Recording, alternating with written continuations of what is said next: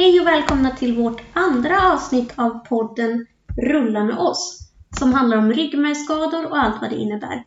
Och den drivs av mig, Lisa Olsson. Och mig, Irmeli Schüller. Idag ska det bli väldigt spännande för vi ska ju få höra om din resa Lisa. Mm, det stämmer. Men först tänkte jag att vi kan berätta lite mer fakta om eh, ryggmärgsskador. Ja, vi gick ju igenom inkomplett och komplett skada förra avsnittet. Och idag tänkte jag prata om definitionerna tetrapares och parapares. Och vilken variant man har det beror på vart skadan sitter. Eh, ryggmärgen är uppdelad i olika segment. Och får man en skada på de övre segmenten så får man tetrapares. Och eh, det innebär att både armar och ben är påverkade. Får man däremot en skada på de lägre segmenten så får man parapares. Och då är bara nedre delen av kroppen påverkad. Jag har ju då tetrapares och du Irmeli har ju parapares. Ja, precis. Och det är ju intressant det här för du har ju personliga assistenter. Det har ju inte jag då. Eh, Men då undrar jag, när har man rätt till att ha personliga assistenter? Ja, alltså assistans är ju för de som har en omfattande och varaktig funktionsnedsättning. Och då kan man få personlig assistans om man behöver hjälp med grundläggande behov som eh, till exempel andning, på avklädning, personlig hygien, äta, gå på toa, kommunikation och annat. Och för att få personlig assistans behöver man även vara yngre än 65 år när man söker. Och eh, har man ett behov som är över 20 timmar per vecka av de här grundläggande behoven, då är det assistansersättning från Försäkringskassan som man kan söka. Och är det under 20 timmar så söker man istället hos kommunen. Jaha, okej. Mm. För det är spännande för mig också att veta för att jag har jag vet bara om att jag inte har tillgång till personliga assistenter. Nej, precis. Du har ju full funktion i din överkropp. Och det gör ju att eh, du klarar av de flesta grejerna i vardagen som vem som helst klarar av. Men det är klart att som nyskadad så blir det lite... eh, Du är inte riktigt van vid hur du ska göra allt än. Så då kan det kännas som att det vore skönt att ha lite extra hjälp. Mm, faktiskt. Mm. Men då måste jag bara fråga dig en väldigt personlig fråga. Mm. Känner du dig så här avundsjuk på mig som kan rulla så som jag har känt med gående människor när jag liksom, att jag känner en så här avundsjuka liksom? Alltså inte eh, normalt sett, men om jag skulle ha en dålig dag så skulle jag ju verkligen känna att åh, gud vad skönt det hade varit att ha en eh, till exempel extra arm eftersom jag då är förlamad i högra armen. Så det är nog mer sådana saker jag kan bli lite avundsjuk på. Eller önska att jag hade. Mm, Och även att eh, det ser så himla mycket enklare ut att kunna rulla själv i manuell stol. Jag måste ju ha elrullstol eftersom jag inte kan rulla manuell stol själv. mm, Och då kan jag ju känna att det är lite enklare för dig att komma in på ställen som har trappor för du kan antingen hasa dig upp eller så kan folk lyfta in dig om det behövs. Men min elrullstol väger över 100 kilo så det är ingenting man gör i en handvändning bara sådär. Så att, eh, ja, en lite, jag vet inte om jag skulle kalla det avundsjuka, men definitivt att man ibland önskar att, att jag hade den funktionen.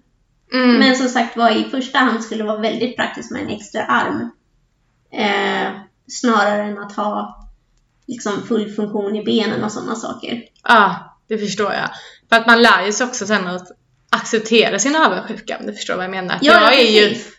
Fortfarande avundsjuk på människor som kan gå, men Mm. jag försöker bara, okej, det är skit för mig, men gör det bästa av situationen. Ja, man får ju hitta andra lösningar på att eh, komma runt det problemet.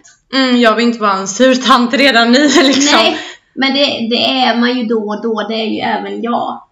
Och jag Mm. kan absolut känna i vissa, vid vissa tillfällen att gud vad kul det hade varit att kunna följa med och, på en cykeltur eller, eller sådana saker.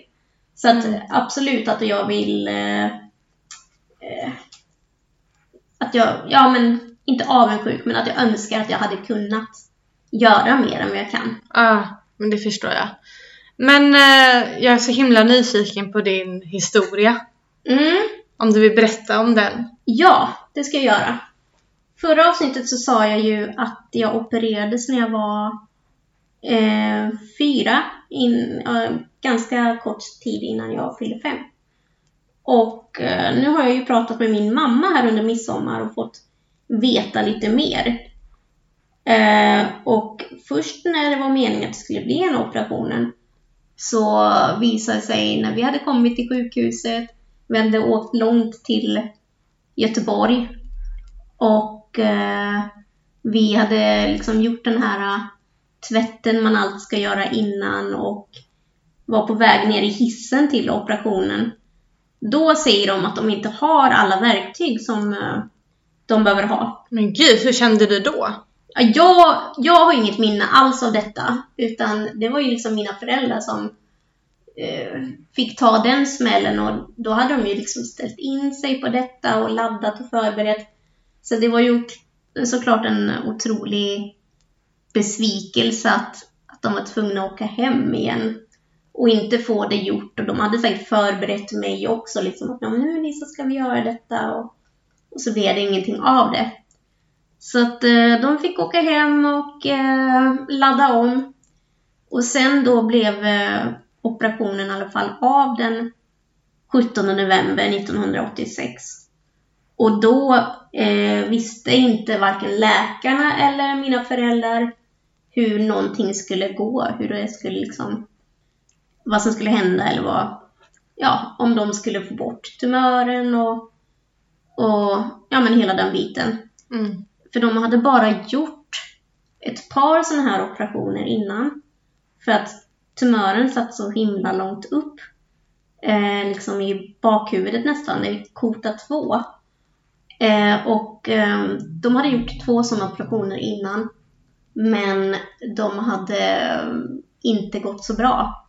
Okej. På vilket sätt vet jag inte om det liksom var så att de här personerna inte överlevde eller så, men det, det är ingenting som jag kan tänka mig var härligt för mina föräldrar att höra. Att de inte liksom visste om jag skulle klara operationen eller om de skulle få bort den. Eller... För att operation, eh, jag menar, tumören satt på ett sätt så att den skulle slå ut andningen om de inte tog bort den. Ja, fy fan vad läskigt för dina föräldrar då. Ja, ja precis. Eh, mamma berättade att när jag var på operationen så satt hon i ett rum och var superledsen och eh, orolig såklart. Och jag som känner min mamma, hon är en sån som lätt oroar sig och sånt. Så att det måste ha varit jättejobbigt. Fruktansvärt. Ja, och så var hon gravid då med min lillebror. Så hon försökte ju att liksom inte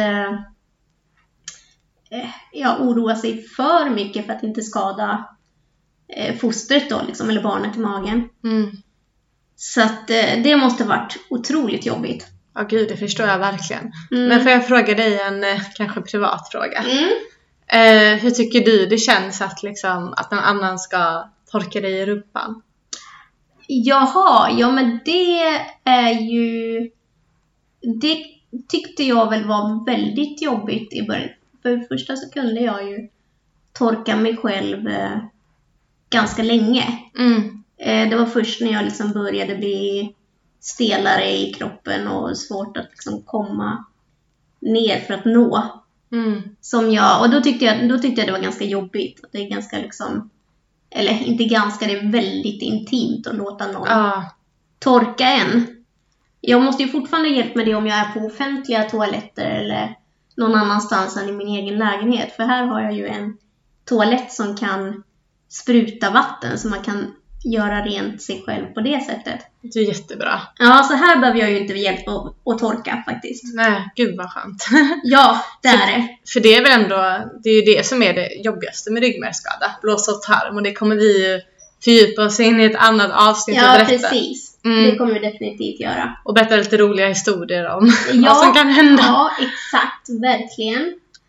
Eh, men tillbaka då till eh, min eh, eh, barndom där. Mm. Så eh, ja, operationen gick ju bra. Jag överlevde ju och det var ju mamma och pappa såklart superglada för. Men jag hade ju eh, knappt någon eh, funktion då, för ryggmärgen får en chock. Eh, och då läggs allting liksom, lägg, allt lägger av eh, tills eh, ryggmärgen och chocken har liksom lagt sig och kommit tillbaka. Mm. Eh, så då visste man inte alls hur det, om, du, ja, om jag skulle få någon funktion tillbaka eller hur det skulle gå. Och de hade ju inte informerat mamma och pappa någonting om vad de kunde förvänta sig. Så att jag skulle få en ryggmärgsskada var ju, det var ingenting som de alls visste om och vilken omfattning det skulle bli. Mm. Så det var ju det var ju, det var ju lite jobbigt för dem och dålig information och, och de visste ju inte heller vad en ryggmärgsskada var såklart för det vet man ju inte oftast. Men det tänker jag måste vara jobbigt att inte vara på Orup då, för då lär man sig Ja. allting. Precis. Jag eh, hade ju inget team som kunde någonting om ryggmärgsskador. Utan eh, jag fick lite hjälp av någon sjukgymnast och sådär men det var liksom ingenting som var inriktat på ryggmärgsskador och eh, mamma och pappa fick ingen information eller någonting heller. Så att eh, ja, det, det måste varit det måste varit jättetufft. Ja. Hur var det att gå liksom i skolan? Hur kände du dig utanför eller? För att jag tänker att Ja. barn är väldigt elaka mot varandra. Ja, precis. Eh, men jag hade nog ändå, jag har aldrig blivit mobbad, så där har jag ju väldigt tur. Men däremot så var det väl också så att jag kunde känna mig utanför just för att barnlekar ofta är så fysiska. Mm. Och det kunde jag liksom bara vara med och titta på och det... Ja, då, då kan jag tänka mig, jag minns inte riktigt, men jag kan tänka mig att avundsjukan mot de som kunde gå var nog större då Mm. att jag ville vara med och för mig själv var det ju också en, eh, en förändring att gå från att kunna röra mig och till att inte kunna göra det. Mm. Så att eh, det har ju tagit många år för att liksom bearbeta allt sånt här, även om jag liksom inte lidit av det, men det var först när jag var ja, kanske 20, 22, 23 som jag eh, läste min journal. Och då fick jag ju mycket mer information om vad det var för typ av skada jag hade. Mm. För det, när jag gick på gymnasiet så var det en uh, sjukgymnast där som sa att ja men du har ju en ryggmärgsskada Lisa. Och det hade jag liksom inte ens riktigt fattat att det var det jag hade. Mm. Så när folk frågade mig, ja men vad har hänt med dig då? Vilket ju vi eh, med en funktionsnedsättning alltid får höra. Vad är det för fel på dig? Mm. Då så sa jag liksom, ja men jag, jag hade en tumör i nacken som de tog bort och då blev det typ så här. Eh, så att jag liksom själv var inte, jag hade inte fattat liksom att, ja men det är en ryggmärgsskada. För Mm. i så fall hade jag nog liksom kunnat läsa på på ett annat sätt. Ja, det mycket tidigare. Mm. Och det är ju bland annat för att jag inte liksom haft kontakt med någon med ryggmärgsskador innan på det sättet. Jag var ju på ganska många läger med andra som hade funktionsnedsättningar men då var det liksom Ja men det var folk som hade CP-skador och muskelsjukdomar och andra sådana eh, nedsättningar. Men det liksom var aldrig någon som hade eh, ryggmärgsskador, vilket egentligen är väldigt konstigt. Mm. Så att jag hade ingen som liksom var exakt som mig, Nej. eh, som jag kunde liksom dela erfarenheter med. Mm. Så det, det är ju verkligen, där känner jag verkligen att jag hade haft nytta av att komma till, till Orup eller något annat rehabställe då för ryggmärgsskadade. Så att jag hade fått mer information om det. Mm. Och jag är väldigt så här, imponerad av dig Lisa. Det här med att du är egen företagare och du har pluggat och du Mm. har kämpat. Och man känner ju så när man var gående Mm. innan att man bara, ja men de som sitter i rullstol de lever väl på samhället eller Ja, hemma. precis. Ja. Eh, ja, nej men det har jag aldrig den känslan har jag aldrig haft att jag skulle liksom inte kunna göra det jag vill göra. Och det är väl bland annat för att jag har liksom växt upp i en familj där jag inte har blivit särbehandlad utan jag har blivit behandlad precis som mina bröder. Och de har haft förväntningar på mig också. Sen är det ju självklart att, att jag har fått hjälp med det jag behövt hjälp med. Så det har inte varit liksom så att nej men du får klara dig själv Lisa. Jag kommer inte hjälpa dig. Men just att jag inte har blivit eh, behandlad på ett annat sätt än alla andra. Och det var väldigt tydligt när jag började på gymnasiet. Jag gick på eh, Riksgymnasiet för rörelsehindrade i Umeå. Eh, mest för att eh, skolan i Tibro där jag uppväxt, gymnasieskolan där, var på den tiden sån som alla försökte komma bort från. Eh, så att eh, Riksgymnasiet då hade, eh, kunde man söka, från, söka till vart man än bodde. Och eh, jag kom in i Umeå, det finns i Göteborg och så, vilket är mycket närmare för mig, men där blev jag inte antagen. Så jag överklagade och kom in i Umeå, så jag flyttade dit när jag var 16. Mm. 15-16 någonting. Och eh, då mötte jag ju väldigt många som, där var så tydligt att de hade blivit, eh, ja, jag skulle vilja säga daltade liksom att nej men det där kan inte du göra för du, du är ju funktionsnedsatt. Så att eh, tänk inte på det. För vi hade till exempel eh, tvättmaskiner där som vi, så att vi kunde tvätta. Och jag fick ju såklart hjälp med att eh, lägga in tvätten och sådana saker, men jag var hela tiden delaktig. Medan andra liksom, som aldrig har liksom, fått göra någonting eller fått chansen att bli självständiga, de fick ju liksom hjälp med allting. Mm. Och ja, men det, det märktes så tydligt att att eh, om man inte har några förväntningar på sina barn med funktionsnedsättning så blir det väldigt svårt att komma ut i samhället och leva ett normalt, normalt liv med jobb och alla de sakerna. Mm. Så det är jag superglad för, att jag har fått den uppväxten och att jag eh, även kom till Umeå där jag fick liksom lära mig eh, ännu mer att vara självständig. Och det var nog det som gjorde också att jag flyttade till Malmö sen och eh, där jag bor nu.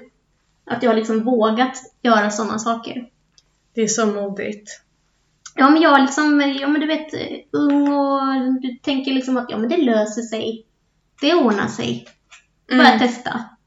Eh, men, eh, men så att eh, då flyttade jag, jag tog ju körkort när jag var 19. Wow. Och det gjorde jag då i Hedemora där de har en eh, skola eh, där man kan få eh, hjälp med anpassade bilar. Så jag gjorde en, en sån här intensivkurs där en sommar. Och det är jag så glad över för min bil ger ju mig en enorm frihet. Mm. Att kunna åka vart jag vill, när jag vill. Nu vet jag att du tycker ju väldigt mycket om färdtjänst. Eh, jag däremot som behöver ha liksom en större sån här minibuss eftersom jag sitter kvar i min elrullstol. Där är det oftast väldigt svårt att få tider där man vill och man måste samåka med andra så att det kan ta en evighet innan man faktiskt kommer dit man vill. Mm. Men du kan ju sitta i en vanlig taxi. Mm. Och där verkar det vara lite mer flexibelt. Ja. Ja men det är det ju. Jag hoppar ju över till sätet liksom. Ja. Och det finns ett större antal sådana taxibilar så då blir det ju liksom på ett annat sätt där att du, du kan vara fri med eh, färdtjänst. Och det kände aldrig jag att jag kunde vara. Nej. Så bilen är liksom ett, eh, ja men det är som ett eh, hjälpmedel för mig. Mm, det förstår jag. Men vill du bara berätta, hur ser en vanlig dag ut för dig då? Jag är så nyfiken. Ja, ja men jag har ju då eh, personlig assistans. Det fick jag när jag flyttade till Malmö. Innan dess så i, under gymnasiet så fanns det assistenter på själva elevhemmet och i skolan. När jag var yngre hade jag elevassistent. Men sen när jag flyttade till Malmö så fick jag då personlig assistans och eh, eh, så när jag eh, vaknar så är en assistent här. Eller de, de kommer på morgonen och hjälper mig upp och hjälper mig på eh, toalett med hygien och om jag ska duscha och alla sådana här morgonbestyr. Klä på mig, Mm. ja, fixa håret. Allt man kan tänka sig. Mm. Och sen brukar jag oftast sätta igång och jobba. Jag är då översättare. Eh, så att jag har eget företag och jobbar eh, hemifrån. Eh, så då sätter jag oftast igång och jobbar direkt när jag har kommit upp. Mm. Och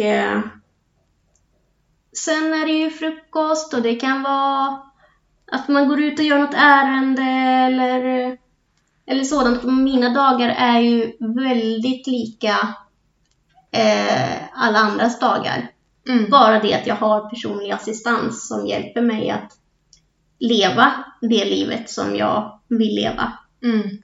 Utan dem så hade jag inte kunnat ha ett jobb, jag hade inte kommit upp ur sängen och ja, allting i mitt liv hänger ju på att jag får den hjälpen. Mm. Precis. Ja. Mm. Så, men det har ju varit, eh, det har ju varit en lång resa. Mm. Jag pluggade ju i cirka sju år på universitetet. Först pluggade jag ju till eh, grafisk designer. Och sen eh, kom jag istället in på det här med översättning. Så då utbildade jag mig till det. Sen, eh, jag har pluggat många år. Mm. Och det var ju en av dina första frågor till mig. Att liksom, kan, man, kan man plugga? Ja.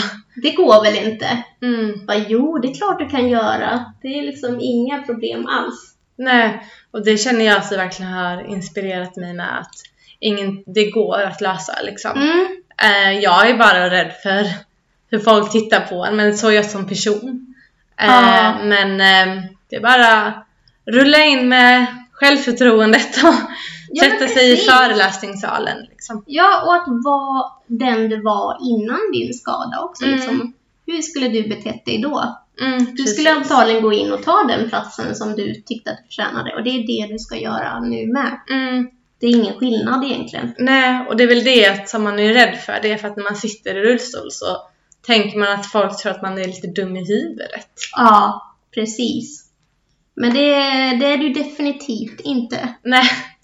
Eh, så det, är lite, det är alltid lite tråkigt där att man måste överbevisa folk hela tiden att nej men jag kan faktiskt tänka och prata och göra allt som du kan liksom. Mm. Eh, men, men just det där att bli dumförklarad, det, det tror jag aldrig man vänjer sig vid. Det är nog det värsta tror jag. Ja, man vänjer sig vid det också såklart, men eh, det är, det är väldigt konstigt det där att man hela tiden ska bli sedd som ej klar i huvudet tills man har bevisat motsatsen. Mm, precis. Ja men tack så jättemycket för din eh, historia, det var så spännande. Ja, tack själv för att du lyssnade. Ja. Och alla andra såklart. Mm, och nästa vecka, då ska vi prata om, ja, om eh, varför jag hoppade. Mm. Ehm, och det är ju väldigt eh, intressant också.